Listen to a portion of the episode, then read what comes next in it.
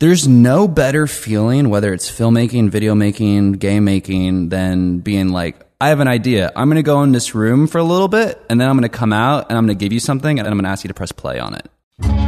On the 62nd episode of Passion in Progress, founder and CEO of Viewer Ready, JJ Castillo. Viewer Ready at this point specializes in augmented reality and virtual reality. And a couple weeks ago, I had the chance of stopping by their headquarters and trying a few of their games. Coming from a guy that grew up with normal Nintendo, Super Nintendo, and N64, getting to experience these kind of games with a virtual headset is mind blowing. So if you're curious about the life of a developer and somebody that's making products for VR and AR, and I think this new thing called XR, get strapped in because this is the episode for you. And if you do like this podcast, all I ask in return is that you refer this show to a friend. If you like this episode or any of the other episodes, please let somebody know about the podcast. It really helps with getting the word out there on the show. So without further ado, let's get into the 62nd episode of Passion in Progress with founder and CEO of Viewer Ready, JJ Castillo. What is up, Merce Nation? Javier Mercedes here for yet again another Passion in Progress show where we talk to inspiring individuals and hopefully through hearing their stories, you too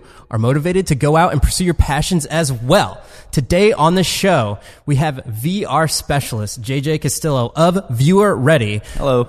Who I just realized that Viewer Ready, if you abbreviate it, stands for VR. I'm assuming that's not by No. chance. it's totally not coincidental by any means. But also at the same time, we kind of, um, when I stubbed our toe on it, you know, like there are, there were some companies here in town that were in the 80s and the 70s were like really big media companies and they had names like Teleprint. you know, and, and then there was a company here in town when I used to do video production full time. They were called like 1080. Yeah. And, uh, and it, With a little P on the back. Right, right. But at a, at a certain point, you know, the technology is going to make your name sound outdated. outdated. Uh, so I wouldn't say that that's the case with View Ready, but as we've moved forward, we have View Ready. We do a lot with virtual reality, obviously. We do a lot with, you know, kind of flat media as well, but we're also doing a lot more with augmented reality. So that's AR. And then so what the industry is really trying to push is this new term called XR, which is supposed to be kind of like the house for all things like immersive. It's not really taken off yet. We, we're, we're kind of like, uh, you know, kids without a home as far as names. But yes, View Ready is, uh, there's a VR in there. There's a little bit of a nod to like, you know, Ready Player One and then, you know, just the idea, the viewer ready. It, it works on a lot of levels. Give a overview of what you guys do here. we started just being you know a group of uh, a group of folks that you know were really fascinated with virtual reality and uh, you know just wanted to play in the space uh, any way we could uh, we were lucky when we started the company back in around 2015 i kind of met a bunch of folks at a game jam and we ended up putting a small team together and uh, we were just kind of messing around and, and our, the first thing we did was we made a baseball kind of simulator that you break stuff with baseballs. It's really simple. You're just at bat there's a field full of like jars windows plates and you just kind of break them like a carnival game. And uh, that was like a really huge hit when the Vive came out because there was like 12 games when the Vive came out on Steam and ours was just like a free demo. So it shot up to like 90,000 downloads within the first year just because it was free. Long story short, that led us to getting attention from a bunch of brands and companies. So Anheuser-Busch reached out and said, hey, you know, we'd love to do a sport experience for Madison Square Garden. Uh, so we ended up doing a, a basketball thing for the Knicks and MSG, which then led us to doing a two-player version um, for uh, the NBA All Star Weekend. And so that kind of uh, we kind of fell into that, and then that kind of um, really formed what the company was going to be, which was for a while we were doing a lot of kind of venue installation, brand activation using VR. Uh, since then, we've done more stuff like that for Dell and South by Southwest, and most recently we did a big augmented reality app for uh, Tiff's Treats cookie delivery. Which, if you're in the Texas or surrounding Texas areas, you definitely know about those yummy, yummy cookies. They're so gooey. Right. And so delicious.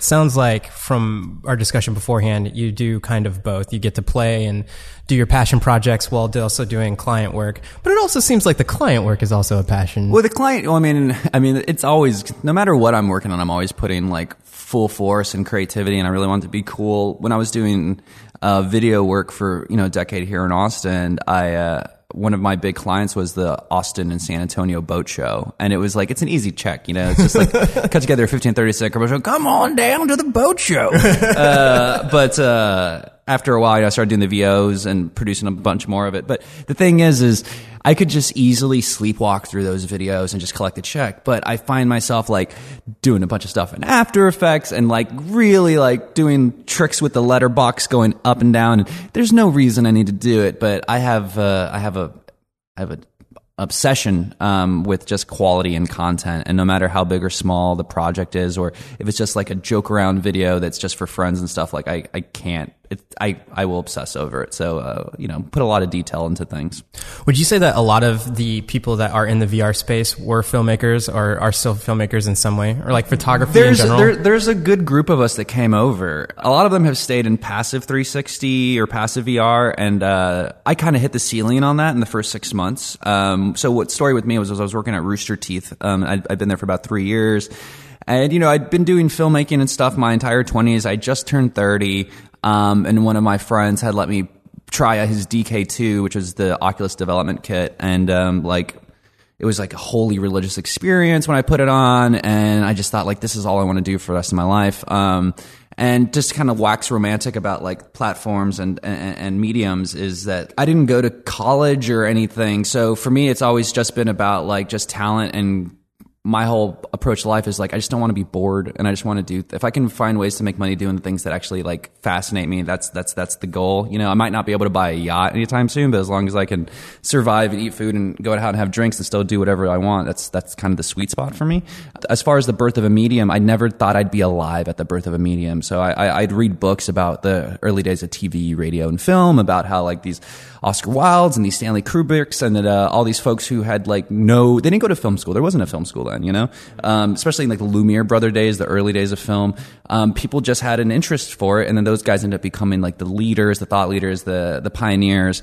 Um, and it's just so funny because you know everyone when filmmaking first was came about, everyone was just filming plays. They were like, "This is what movies are. It's just us filming plays." And you know, you see a little bit of that with VR and stuff, where you see a lot of guys who came from 2D video games, mobile video games, and then you know they got some dev kits, and they're like, "Oh, let's just port these ideas to VR." And I and you know, some of them were successful, and some people really like them, but I still think we're at that stage where we're we're still filming plays, and um, I think there's a new color that none of us are like thinking about. Like it's just we're in a box and it's a really weird time with locomotions. How do you move around? What's the UX? What's the what's like the input like? So, um, kind of to go back to all that, the, the, the reason it was it was it was an easy decision for me to jump from a career, a decade longer, if not longer, career in filmmaking where I had clout and people knew who I was, to throw literally all of that away and then kind of come into the world of development and video game engines was you know it was really daunting but you know um, at the same time there's some i think i think there's um, i think there's value to outsiders coming in and shaking things up. Um, you know like in the film world you'd have some guy who'd never done film but he's like i got an idea for a movie. And you're like oh this guy thinks he's going to make a movie. And then he makes it and you're like wow this is totally new and different and it's totally shaking things up. And no one took you seriously because you didn't come from this world and now we're all taking you super seriously. So going back to that vein, there are a lot of filmmakers that have made the transition to VR.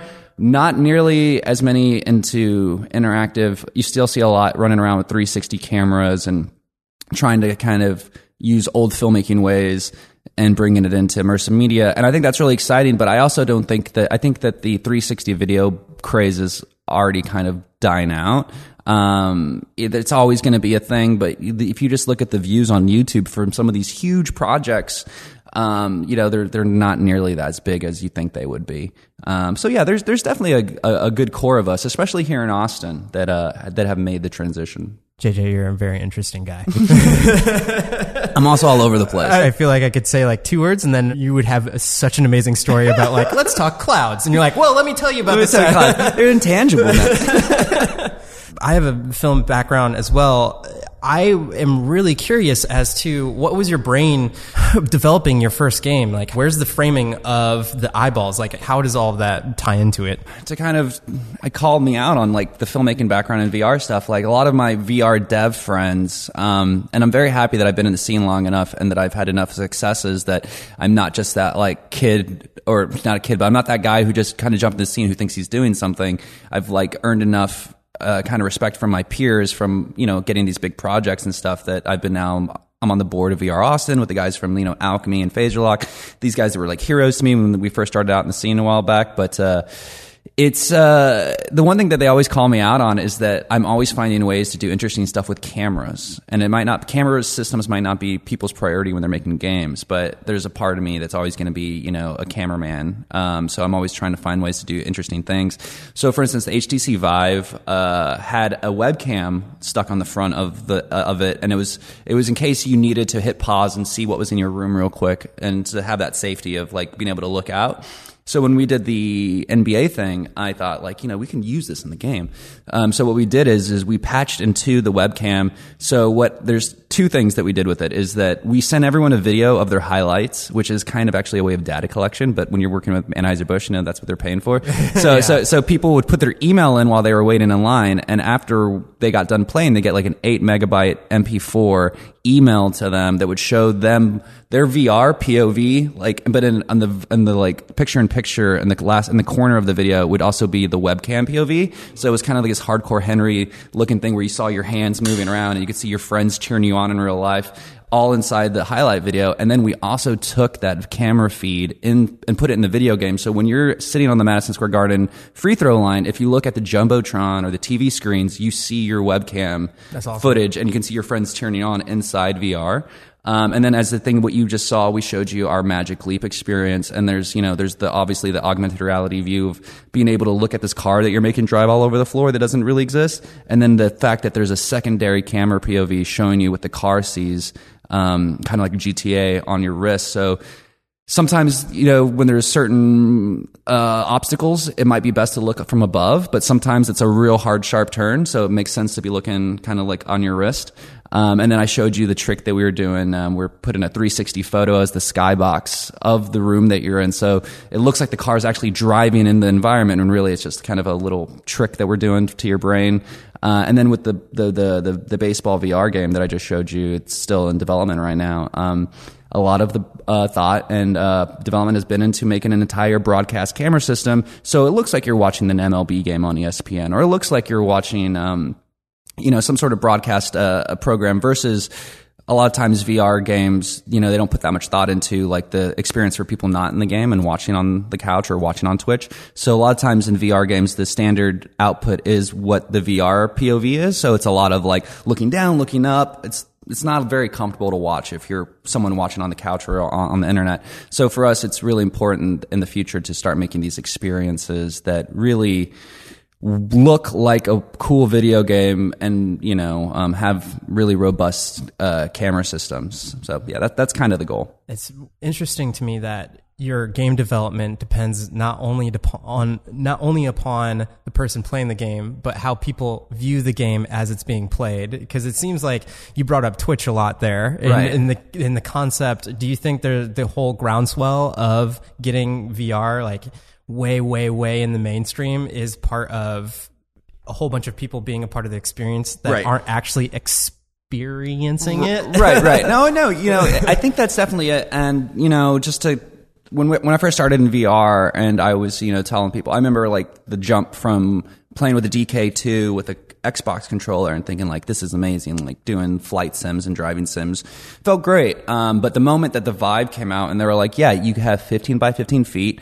It tracks your hands, it tracks your head. You can roll around on the ground and it'll know where, where you are. And that just like blew, uh, uh, just blew my mind what I've realized is in order to make things pop, you, you really need to reach out to people who might not have access to the hardware. And I guess I uh, the point I was making is that I remember going to the valley. So like, like I, my dad was like a shrimpo captain. My great, my grandfather was a shrimpo captain, like all in South, South Texas. Like that's the world we come from. Um, so I'm always telling people like when I'm in Tokyo or like on panels with like, you know, like Satya Nadella, Microsoft CEO of, uh, uh, I'm like, I'm not supposed to be here. like, I'm like a, I'm like a fisherman, fisherman's son. Uh, but, but I remember going down to Port Isabel, which is like one of the last towns before you hit the end of Texas, um, to hang out with a bunch of my relatives. And I brought an Oculus Rift down there, and I was like, man, this is gonna blow their minds because they're not, you know, they're fisher like fish community. Uh, so I went down there, and I was like, my older nephews and stuff were like, oh, they were kind of into it, whatever. But it was like my young uh, nieces and nephews that were like anywhere between seven and eleven um, were obsessed. And then they kept asking me, like, do you have Job Simulator? Do you have Super Hot? Do you have Rich, Rich? They, like, they knew the titles. And I was like, how do you know the titles, the games? And they were like, oh, uh, Jacksepticeye Jacksepticeye or blah, blah. They started naming YouTubers. And, um, so when we first started when I first started in VR, I, I would post stuff and I would see a bunch of naysayers and you know the Reddit gaming forums and on Twitter, and they'd be like, "Yo, I've been playing video games my whole life. Like, I don't want to stand up and play video games. I just want to chill out when I get home." And I like I. I would tell these guys, and they're like late to twenties and mid thirties. I'd be like, "Hey, man, I hate to be the one to tell you this, but these games aren't for you. Like you're like you can't teach an old dog new tricks. These this is for the next generation. This is for people when they play video games. They're they're gonna want to move around. They're gonna, they're gonna want to spin around. We used to always make jokes that uh, in the future when VR games are more mainstream. Um, right now you'll see a guy like the joke is you'll see kind of like a neckbeard looking you know out of shape guy walk into an event and you'll be like, oh, that guy looks like a gamer, you know? Mm-hmm. But then we'd always say in the future, you're going to see these guys with like massive forearms and like real, so and then be like, oh, that guy must be a gamer. Like that Mm-hmm. guy's in shape. Uh, and so I'm 35 now. And like my whole thing is like, I want to, I got to stay in shape. I got to make sure my back's like okay. Cause like as technology gets better, like I want to be able to play all these games. Mm-hmm. Like I don't want to be aged out. Uh, so that's that's definitely motivation for like kind of staying in shape. I think it's I think it's going to be an interesting kind of future. It's already starting to trickle down with the release of the Oculus Quest. You know, it used to be such a high bar to play VR. You needed a eight hundred dollar headset and then a fifteen hundred dollar computer to run it, uh, which is always so heartbreaking whenever you're doing demos and stuff. And some dad is there showing his kids they're having a great time. He's like, "Hey, how do I get one of these in my house?" And you're like, "You got like twenty five hundred dollars to like just sink in a, in a machine." But now the Oculus Quest has come out and it's four hundred bucks, and we all keep referring it to as the Nintendo Switch of VR. It's four hundred bones, and you know it doesn't need a computer, and obviously it's when I try to educate people on it, it's I say it's like a VR PC is like having an arcade cabinet at your house, and then having a Quest is like playing that game on a on a Game Boy. You know, uh, and it's great. It's just you know you're gonna lose shadows, you're gonna lose like graphic fidelity and stuff. But if like our game you just played is super cartoon and simplified, it's it's gonna play fine. Versus if you have a game that's like super realistic on the on the on the computer and has shadows and reflections, it's not gonna look great. Let's talk about your user development because when I had the headset on, it seems like you were analyzing like, oh, how does he can he find that thing that needs to be unlocked for the next thing to happen? Yeah. I, like it seems like a lot of game development is that when you're making the game, you have to make sure that the person that's playing it actually does the things that you intended, or maybe not. It's so funny you say that because you can kind of in development, you can get kind of in um, a tunnel. You get like this kind of tunnel vision where you just go like, okay, you for this next uh, for this to, to uh, function, you know, you, the player goes A, B, C, right? And then you get so used to that being the only options because that's how you made the game, right? And so you just think everyone's going to have that same kind of thought process, and then you go do demos and you see someone go instead of A B C, they go A Q J L, and you're like, what is happening? But they can. Sh- you'll learn so much from playtest. It's super important because sometimes you're like, oh, it's done, the game's done, and then you realize like, no. We need more flags. We need more direction. We need more kind of notifications. People are missing these things that are super obvious to us. So I remember one of the first playtests we ever did. It was it was for Pitch Hit. It was at South by Southwest Gaming, like in 2015. And the whole thing was like there was a bucket that hung in the air next to you, and you'd grab the baseball and you'd throw it up at, in the air at yourself, and you'd hit the ball and try to break stuff. And I watched a kid for like five to ten minutes just play catch with the bucket. you, know, you, you, you know what I mean? But it, if it's interesting, right, right, right. But yeah, so so sometimes people will show you things that you're like, that's awful, or you'll go like, that's amazing. Um, and then like you know the the the the bucket would have a bunch of baseballs in it for you to grab, and then we would see kids like just swing the baseball bat under the buckets and make all the balls go, and and uh, so yeah, it, playtesting is very important, and it's it's something you should do, but uh, it's it's it's always going to show you. It's just like screening a movie. You know, afterwards people will say. Uh, oh, well, who did that? You're like, oh, well, it was the butler. And they're like, oh, well, it wasn't that wasn't really obvious. And you're like, oh, okay, well now we need like a throwaway line or we need something. Um, I always tell people that coming from filmmaking is, I feel like, and specifically not not filmmaking as well, but just being an editor for ten years, being an editor, knowing like that's too much sound, that's seven like that's seven le- like layers of audio. If we bring it down to three, it's way more focused. Um, sometimes I feel like developers and even filmmakers just think like it's not good enough. Like more, more, keep adding more, and then sometimes it gets less focused. So I feel like I that's been one of my biggest strengths as an editor slash filmmaker, more so indie filmmaker, is that sometimes you're on set and you're like, we've got three hours and we have eight shots. Oh, and it's, I love that. and it's not going to happen. Uh, I always sum it up as like, which arm are we going to cut off that we can still, that will still like make the story make sense? That like, which, what can we sacrifice right now? Or how can we adapt two of these shots and merge them together? So there's always a lot of kind of like run and gun, figuring stuff out on, on, on set. And, uh, I feel that happens in development all the time. You know, whenever you've got either a big play test or, you know, you have an event, you're trying to show off your game and you're going, okay, well, instead of having all the sounds be particular, like, let's edit them all as one file and then we'll figure it out later. And just, you know, just be, being, being able to adapt is, uh, is really important in pretty much any kind of production. I love that analogy of the time constraint because it happens all the all time. the time. all the time. I I remember like his shoots never end early. They mm-hmm. always go late. they always go late. Famous last words. Right, right, right, right. and I remember when I was a filmmaker in my twenties, and there was this band, and I I called off this whole shoot because I knew they weren't in it to win it because they were trying to hire me because I yeah th- they tried to hire me to do a bunch of because uh, I'd done a bunch of cool stuff and and and for bands that they knew of and uh, they were like, "Hey, we want to do this music video," and I was like, "Okay, cool." And there's gonna be like a whole thing we're shooting it like at a school. There's gonna be like a playground shoot, and then there's we're gonna be doing some performance and then also some actor stuff. And uh, and then a couple like a couple weeks before, one of the guys in the band reached out to me. They're like, "So it's also so and so's birthday that night that day. So like his girlfriend like was going to take us all camping. Is there any way like the shoot's going to end early so we can like go to this like birthday camping thing? And I was just like, I'm not doing this video. like, I'm not doing this video. Like, if I'm going to carry all this equipment around, we're going to do this thing. Like, we're going to go late, man. Like, it never ends early. I, just, I walked away because I was like, you're obviously not in this to win it. Like, and that band's not around anymore. So, I mean, that just goes to show you. I get the sense that you have, you take a lot of integrity with any job that you take on. I mean, I think so. You're only on this planet once, right? So it's like, you know, make your time count. And, uh, like, I love having a good kite-tail of work. Uh, that's what I call it. Like, especially like in the film world is, you know, anytime I would do a new project in film, I'd always run into a funk in the edit or in the pre-production. And as a, you know, motivator, I'd go back and watch kind of my older projects and you start to get like, you know, it, it, it, gives you a bunch of pride. I was talking to a bunch of developers about it last night who, and I was saying like, they were saying that like maybe they weren't so happy with their newest game or they don't know how they feel about things.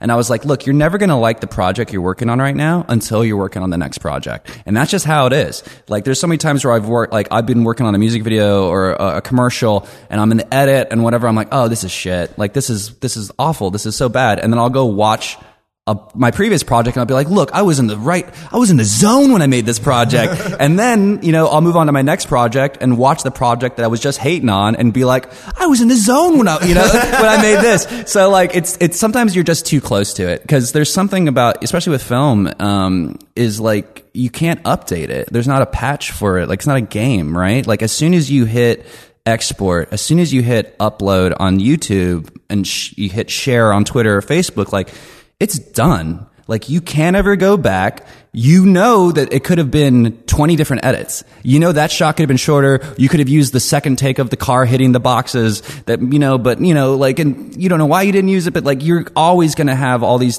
different versions in your head right after you finish the project. So sometimes it's nice to let time go, let life happen, be freaking out about your next project, and then you go back and you look at it and you realize like you knocked it out of the park.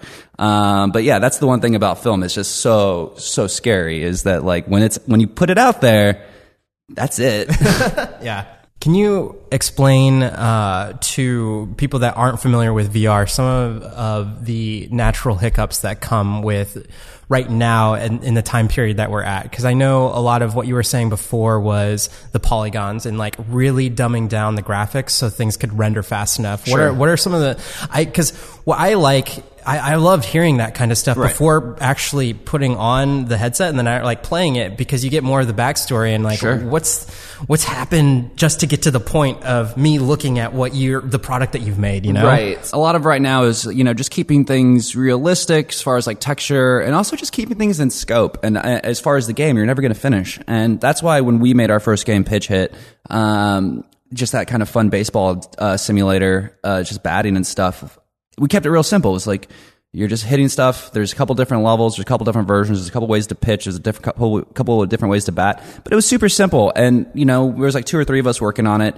And we had a lot of friends at the time that were one or two developers. And they're like, oh, I'm going to make Halo in VR. And I'd be like, you're, you're not though. Like, you're, you're, you're going to start and then you're never going to finish. Um, it was similar to guys whenever VR was popping around, you'd see them at meetups and they'd give you cards and you'd be like, so what are you doing? And they're like, oh, we're going to, we're going to be the YouTube of VR. And I was like, you know, or we're going to be the YouTube of 360 video. And there's so many startups that they really like, they really focus on one thing. And, and you just want to tell them like, it's really cool that you're doing that. But it, once Google and, and like the YouTubes and the Facebook start to want to jump on that train, it's literally just a few lines of code into their platform and they have your entire product like in their platform. So that that's that's the that's that's, that's one of the, the the pitfalls of uh, of that kind of you know saying you're going to do this one thing great. But moving back to like game development and like the, what are the issues and what are the things is you just got to keep scope.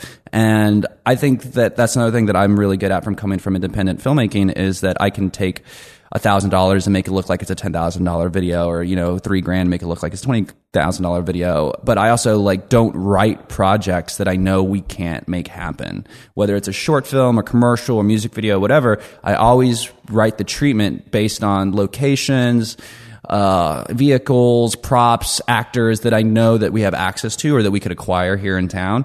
Um, whereas I've known a lot of filmmakers when I, in, in my early days that, you know, when they write a script, they'd write this like the fountain, you know, they'd write this like, something like uh, like the Matrix or, or or Lord of the Rings, and I'd be like, "This is an awesome idea, but like like you know we're waiters and at Kerbey Lane. Like how how how are you going to make this happen?"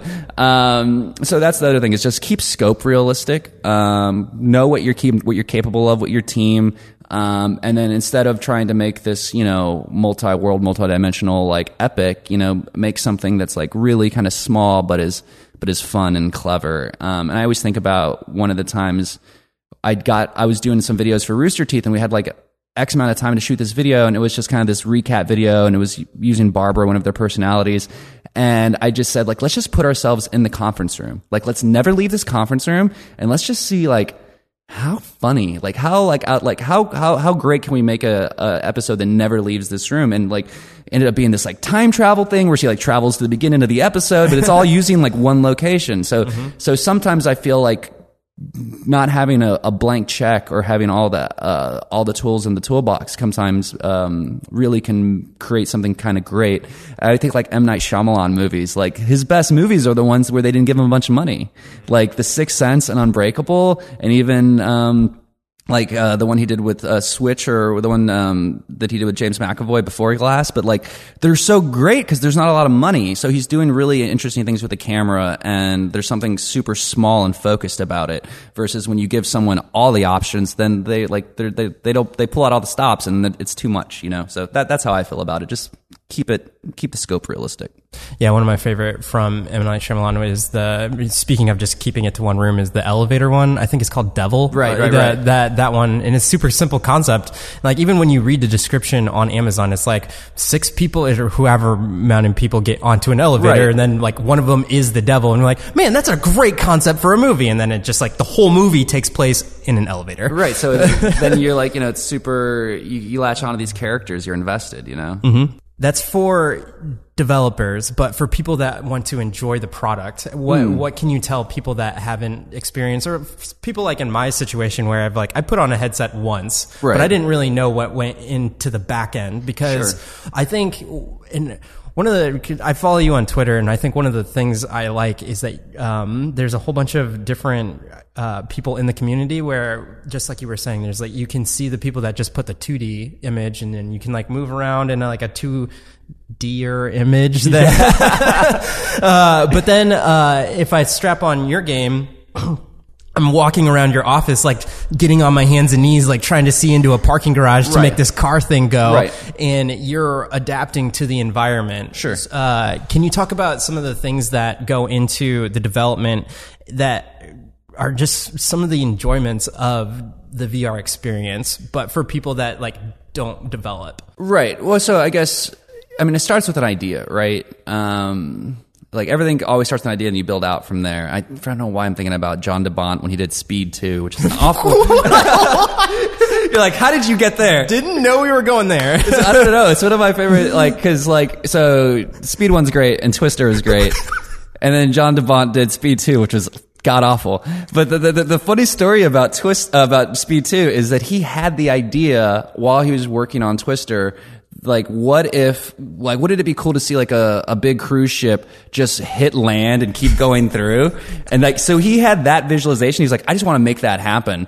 And then so he built the movie around that visual. So kind of saying it starts off with an idea. So he starts off with you know with the with the game that we made for Magic Leap, uh, it uh, that you played the the Nitro Sandbox. Like that was us just saying like what can we do that utilizes the hand tracking and can do some really cool picture in picture AR stuff. And then so that was kind of where the idea came from, you know, where you turn the key, there's a virtual key, just an augmented key and hanging in the air and you turn it with your real hand and it starts the car.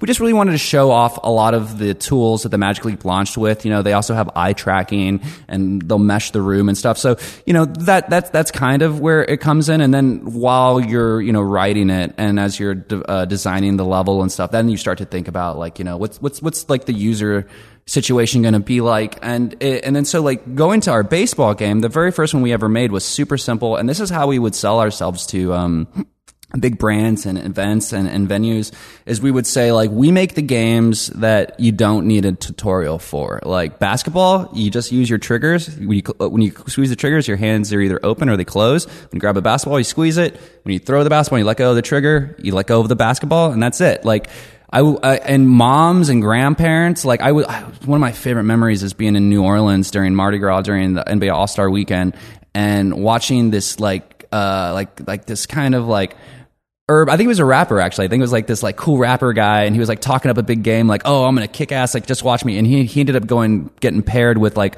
a soccer mom with a purse. She like played the game with the per with her purse still on her arm, and she like like beat him like like by like at least five points or something. And then afterwards he was like, "Nah, like my, nah, my controller was like broken, you know, like or, like, or, or whatever." But like that was the whole thing is that it was super simple. And then with our baseball, the first simulator, it was you know your hand turns it, your controller turns into a bat. Here's a baseball. You know what to do.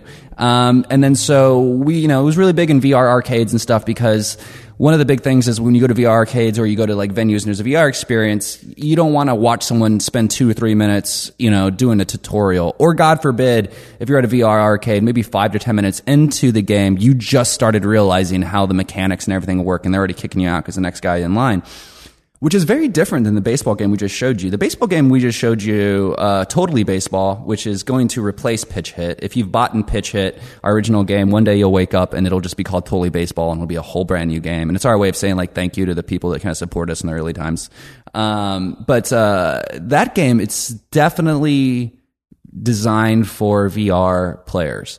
Um, there's multiple ca- uh, inputs. There's buttons you have to press to run the bases. There's buttons to press to you know pitch the ball. There's buttons to bring up a menu. Like then it becomes that's why there's a, a tutorial. So um, so that's a little bit different. It's uh it's one of those things where when we've been doing playtests with two different groups. We've been doing playtests with people that don't have VR and see how well, how well they do. And then we've been doing play tests with people who definitely have VR and like know what it's like to use buttons. And cause those are the, those are the games that do really well for the most part. Eh, it goes back and forth. Like you have Onward and Pavlov and all these shooter games that have like inventory systems and backpacks and yada, yada, yada. And they like the VR players are super into them because they play VR all the time. They know how to work everything. But then you also have games like Beat Saber that are like, you know, just a total phenomenon where you, your controllers just turn into lightsabers and you hit, you know, boxes to the beat of a song.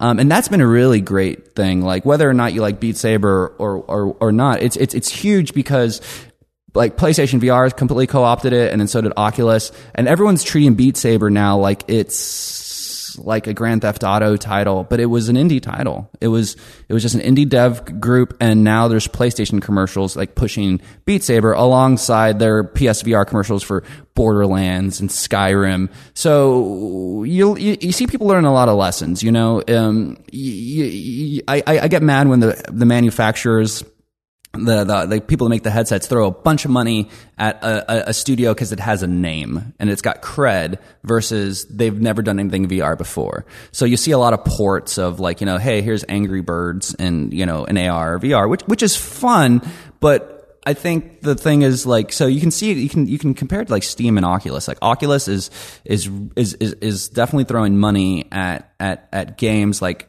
Assassin's Creed and these titles that people know, and they're going to bring them into VR and they're going to be exclusives in Oculus. Whereas Valve and Steam, on the other hand, are more about like the indie developers, like these little indie games, which, you know, are pushing the envelope. They're like, they're, they're, they're definitely like, they're showing you things that you've never thought of before. They're showing you locomotion methods. They're showing you uh, ways to approach games that you've never thought of before. That that the AAA uh, studios will then rip off at some point. I mean, like, right? I mean, right? I mean, like, like, like, look at the Marvel movies, Yeah, right? yeah. Like, the Marvel movies are great movies, but the directors that they're getting to direct them are like guys that did movies like um, Cop Car and. Uh, just like you know like these for the most part like these like indie movies and like the star wars things like gareth edwards like who did uh, monsters you know did rogue one and stuff is like it's so funny that when filmmakers are so super snooty and they're like oh i hate bo- like popcorn movies and you're like well where do you think they're getting these directors from? Like where do you think they're like they're finding these directors to make these these big blockbuster movies is like you know they're graduating from indies. So it, it it's a little bit like that but I, i'm 100% sure that you're going to see a lot of that. You're going to see a lot of indie developers making really cool features functions ideas and then you'll see those co-opted by um by by by the AAA companies. It reminds me of a documentary I, I helped work on called like uh I think it, was, it wasn't called behind the music but it was all about uh just kind of musicians. And it was either Erykah Badu or Elvis Costello said you know um there's always the people that are there's there there's the artist that invents it and then there's the artist and then the people who steal it and then make money with it Uh, I think it's like a parallel to um, if you are the first to market, you can you can kind of have that that coast for a little bit, Right. But it's uh, almost like the second and third iterations of whatever that product was, Right. That ends up like engulfing everything else. I see, and with that, like, I'm really curious to see how Totally Baseball is going to do because one of the things I told you beforehand is there are no, besides tennis and ping pong, which are very like kind of simple to develop. There are no full fledged sports in VR, you know, and there's some tr- there are some AAA Oculus titles that are called like VR sports that look beautiful, that look like, wow, this looks like really, really great AAA game. But game wise, you're just at the free throw line. While guys are trying to block you and you can either, you can either shoot or you can pass to someone and then they'll shoot. Um, and it's just that over and over and over again. So it's a game on rails. Um, I, there's nothing like anaerobic, aerobic that really lets you play the full, full sport, um, that I've yet to see. So for us, you know, creating an entire AI system so you can, you can play the whole sport against an AI team, and there's another. We have a a, a version, a, a, a mode where you can sit in the announcer booth and watch the two AI teams play against each other, and then you can be the announcer or control the camera system. Uh, so and and actually like cut to like wide shot, follow this player. so you're like you're like directing the game, which turns into a whole other thing. Um, I had an idea a while back of doing like, cause I used to shoot cameras at like ACL and Fun Fun Fun Fest. I used to be like one of the camera operators for the, for the musicians. And I was always playing with the idea of like coming up with something for Lollapalooza or ACL where you're in a VR headset, you're, you have this fake like cardboard camera with a focus ring and your goal is to like try to you're like watching like the Riverboat Gamblers or some punk band that like moves around too much and like you have like a target system where you have to like where you have to like you have to like focus and like and zoom in and and you're like you're in the pit and people are getting in your ways and the game is like trying to keep the guy in camera there's a genre there. there, Oh, there oh, I people, know. People would buy that. That's what I'm saying. It's like coming, not coming from gaming. You start thinking really differently, and, and you start coming up with games that no one ever thought would be an actual enjoyable game. You know, whether it's like Goat Simulator or these games that like one of the biggest games on uh, in VR was uh, Euro Truck Simulator, Euro Truck Driver. And I remember in the early days, I'd see these photos of these guys that would stick like cereal boxes and a fan in front of them so they could stick their arm out the window and then feel the air coming while they were like driving these trucks in VR and like little things like that, the little immersion, like the little bit of air and stuff, like it's all real. That stuff like really does like, you know, trick your brain a bit. you took the leap from filmmaking into uh, VR. How has it been doing client work, your own work, and all that other stuff? Running a business, doing VR. going from being someone who was always in the creative department at most of his uh, jobs, uh, you know, whether I was at Rooster Teeth or ad agencies and, you know, usually running all things video and editing. It's been a big change being the boss. Uh, you know, I'm so used to like just being paid well to go into a room and just throw ideas out and try to tell Gatorade and Scion like what kind of ideas would be cool for like a Rooster Teeth, you know, video and stuff. Um, and I love that stuff, you know. Um, so it's been real. It's it's worth it though because no matter who you're working for, when you don't, when you aren't the boss, you're always accommodating them, and you always end up you always end up sacrificing a bit of your end product for them. There's always the edit you made versus the edit that gets released.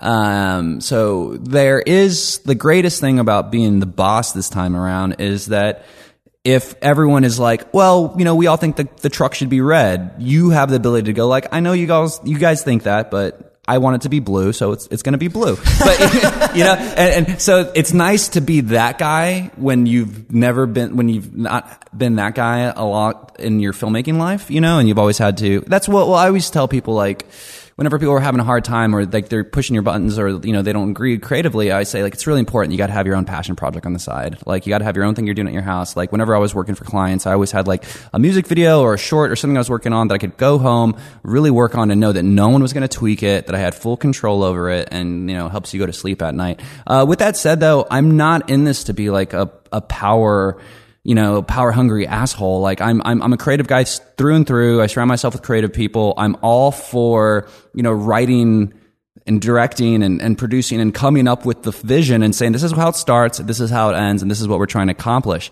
But I'm all for being proven wrong along the way. You know, like if anyone in my company, um, or that I work with is, is, is like, well, I think it's this.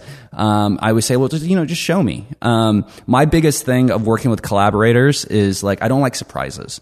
And the reason I did so well at Rooster Teeth is that I've known editors and developers that are like this way where you're like, I need you to do this. And then you'll come back and you're like, well, let me see it. And they're like, so I was thinking about it and I thought like this might be way better. So I did this instead. And you're like, you can't. Like now that you've done that, that doesn't mesh well with what that guy's working on because you just made a call on your own, you know? So I don't like surprises like that. And the reason that I did well at Rooster Teeth is that like I would be doing an edit and then like one of my higher ups would be like, okay, so edit this. And then I would say, I, I was thinking about doing it more like this and like this. And they'd be like, no, just do it like this. And then what I would do is, is I would do it their way. And then I would find a time to also do my edit. And then so when my when the big bosses would come in and look at the edits, I'd say, like, so here's the way you guys asked for it. And then they'd be like, uh, I don't know, it's kind of working. I'd be like, I also have this version that is like some stuff, and I tried some stuff out, musics and sound effect wise. Be like, oh, let's see it, and I'd play it, and they'd be like, I like this a lot better. Let's just go with your version. So the the way to do it, if you're ever in a spot like that, is to do what they told you, but also do the other one if you can. Um, don't just do your version because that could throw off the whole project if you're not talking to people. So that that's the one thing, and and and. I honestly, after the first year of being, I hate calling myself a CEO, you know, like I, I- it's so douchey. And my friends who have known me my whole life, I'm like, oh, it's so douchey. Like, yeah, yeah, yeah, it is douchey. And I'm like, it, someone has to do it. Um, and so, and I, I feel like I've done a pretty good job since we've been around since 2015. And, you know, we're completely bootstrapped and we don't have any investment money. Um, so that, that's that's been really great. But after my first year of being the boss, um, I completely like I completely forgave every boss and CEO. Like not in reach out to them or anything, but in my head, I was like, no bad no bad feelings anymore. Because there are times where you're sitting on your computer on the edit bay on the weekend at 11 o'clock and you're just waiting for this response like do we put this in? Do we not put this in? Are we going with this edit? Like which version do i upload? I'm waiting for my boss to get back to me and he doesn't get back to you. And then monday you have to explain to him. He's like oh i was super busy. And you're like you ass like that you just like you ruined my weekend or my time you know? You, you weren't you weren't thinking about me you weren't accommodating me. And then you do it. And then when you're the boss you come in on Monday and someone's like, Hey, I was waiting for this email. And you're like, Oh man, like I was underslept or I was working on this or phone was off or I was at an event or something. And then you just realize like it's not personal. It's just sometimes it happens.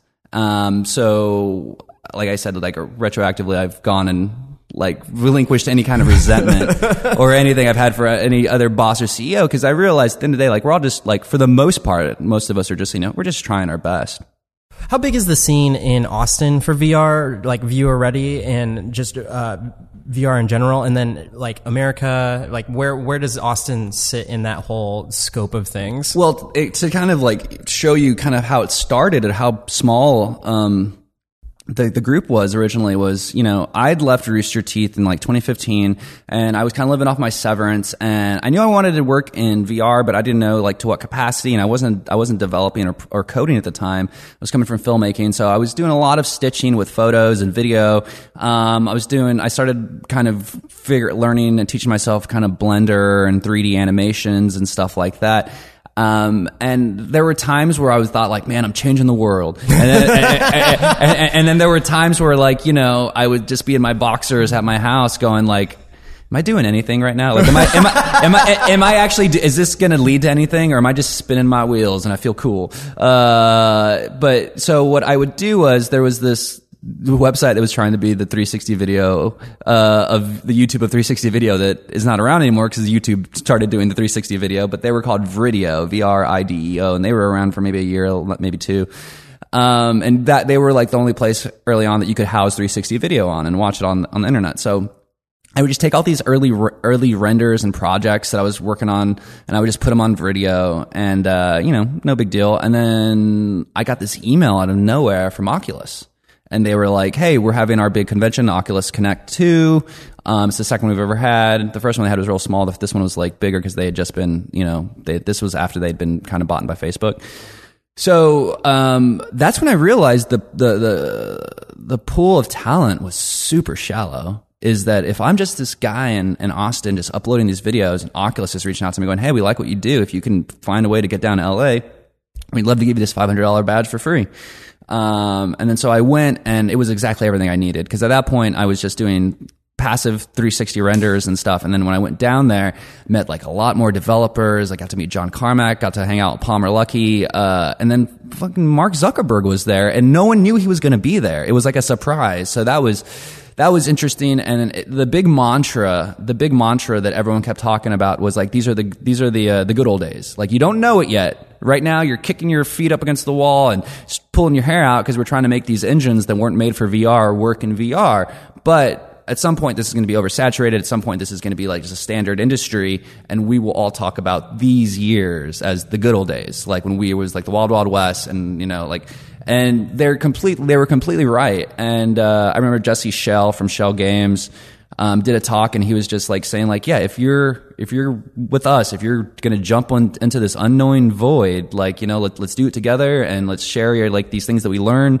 Uh, and it was just like just recharged like my creative batteries and i came home like back to austin like you know um, just like with the vengeance and just like was ready to like that's when i went to a game jam i was you know, when people say like, how do you start in VR? Like, what do you got to do? You know, I I tell people if you're going to start a new thing, you got like, a new medium or a new industry, like you, you got to throw away your ego because it's not going to translate. Like it's not going to transition. Like when I go to VR events or like game jams, like no one there knows about like my films or my artsy fashion films and music videos. That like when I go to film events, people are like, "Oh, there's JJ. I love your events. We should work together sometime." I, I had none of that. I threw all of that away when I came into VR, and so I remember it was 30 years old.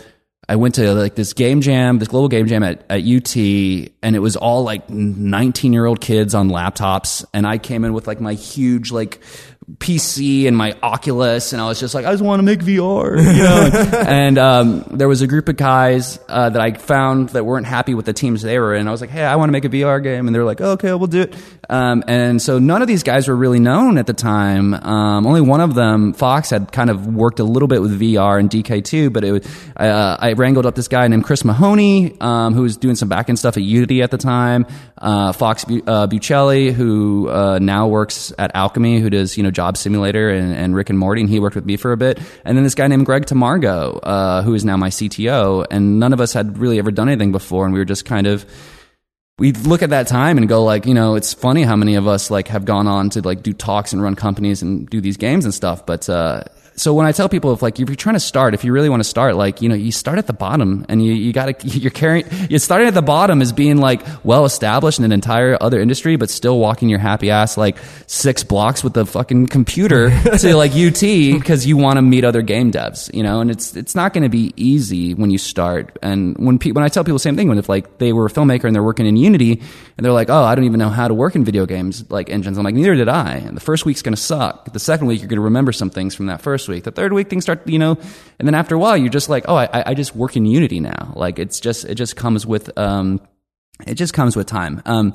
and like kind of going back to something you, you, you brought up earlier as like far as my first game like versus now is I never expected my first VR game to be, you know, like the Citizen Kane of VR. And I think a lot of people have that problem is when they make their first film you know they're like every every second is amazing. You're like it's two minutes of opening credits man. Like it's like it's a five minute short film. Like but you're, you're just so excited because it looks like a movie the first time you do it right? You're like oh it looks like a movie. Hitting way too close to home right right right. And then but like and then and, and, and, and, and, and then people will be like it's okay. And you're like it's perfect. You're an idiot and then you watch it years later and you're like oh you know it's Could have been a two minute movie. Right, exactly. but at the time, you're just convinced it's like the best thing ever. Mm-hmm. So I kind of knew that going into VR that my first project and my second project and my third project would be okay, but they wouldn't be like, stop the presses. Did you see what this guy made? I feel totally baseball is is that. I feel totally baseball is something that doesn't exist yet. Takes a lot of ideas of like camera functionalities, broadcast functionalities, Twitch integrations, just an all entertainment like kind of experience. And then it like it's housed in this really cool, really well designed like a, a video game. And I feel like finally I've just kind of been sitting and biding my time and watching the, the industry, seeing what works, what doesn't work, what approaches are working, what kind of hardware people are doing different tricks with. And I now I finally feel after I've been doing this since 2015, I finally feel like I can make you know that project that really does make a splash.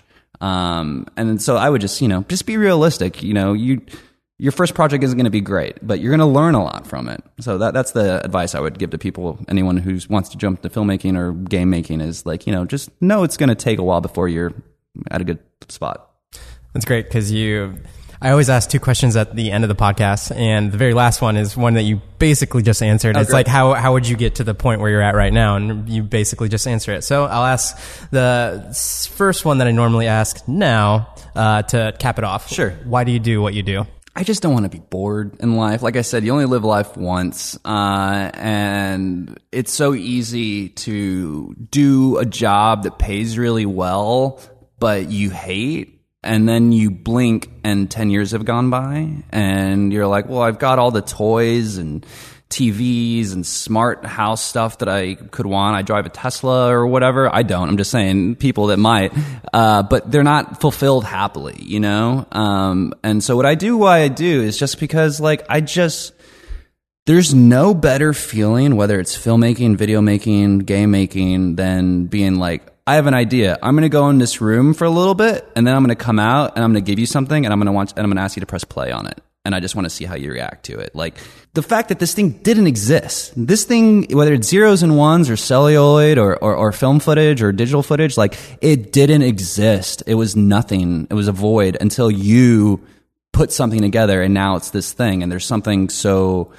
so great and, and, and, beautiful about that. And what I realize also for people that have jobs like this or, or, or do what they love is like when they, like when we have parties and stuff, it's pretty tame, right? Like, cause we do what we love already. Like most of the times we're here listening to music and headsets, you know, just there's this energy of like it's working it's cool check this out and and so you're constantly happy and excited and, and having a good time and what i've realized is people that make a lot of money but have boring jobs. Like they're the ones that have those like crazy, crazy parties where they're like on yachts and loads of drugs and things are awful things are happening just because it's just like they need to get it out of their system because the rest of their life is like really, really boring. Um, so when we were in the startup world, you know, we kept trying to get people kept trying to box us in like, oh, you should just do realty. And it was like, no, like like this technology just showed up. Like I don't I, stapling yourself right now into one section would be the dumbest thing you could do.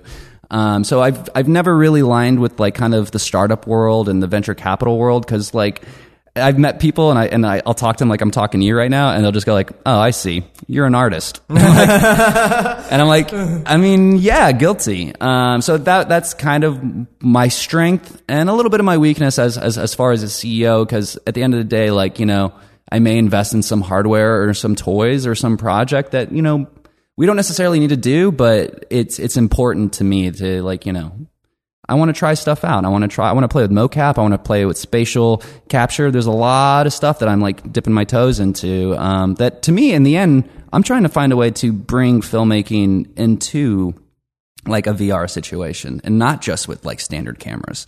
Um, but yeah, I, have got some big ideas, and I'm I'm always constantly trying to. Uh, like if you like if you if you if you follow me on Twitter, like my pinned tweet, it says like you know I'll never do all the ideas in my head, but you can watch me try. Mm-hmm. And that's how that's a true statement. Love it, love it, man. Well, thank you so much. Uh, where can people find you? Uh, you can find me on Twitter, tweeting about all things VR, AR, and movie geekery. I love movies. Uh, it's uh, JJ Castillo VR. Uh, you can check uh, out all our projects and what ViewReady is up to on viewready.com, and I think it's uh, ViewReady Core uh, with a P at the end on on Twitter. Well, thank you so much for your time. This has been awesome. Such a great learning experience. I love learning about these different genres of things on this show because I have so much more of a like a understanding sure. of what goes on behind the scenes to bring a product to the masses. It's really cool. All right. If you did like this episode and you got value, you know what? You could share it out with a friend. That would be so sweet of you. It'd be great. uh, and until next episode, live a life of abundance, and I'll see you guys on the next one.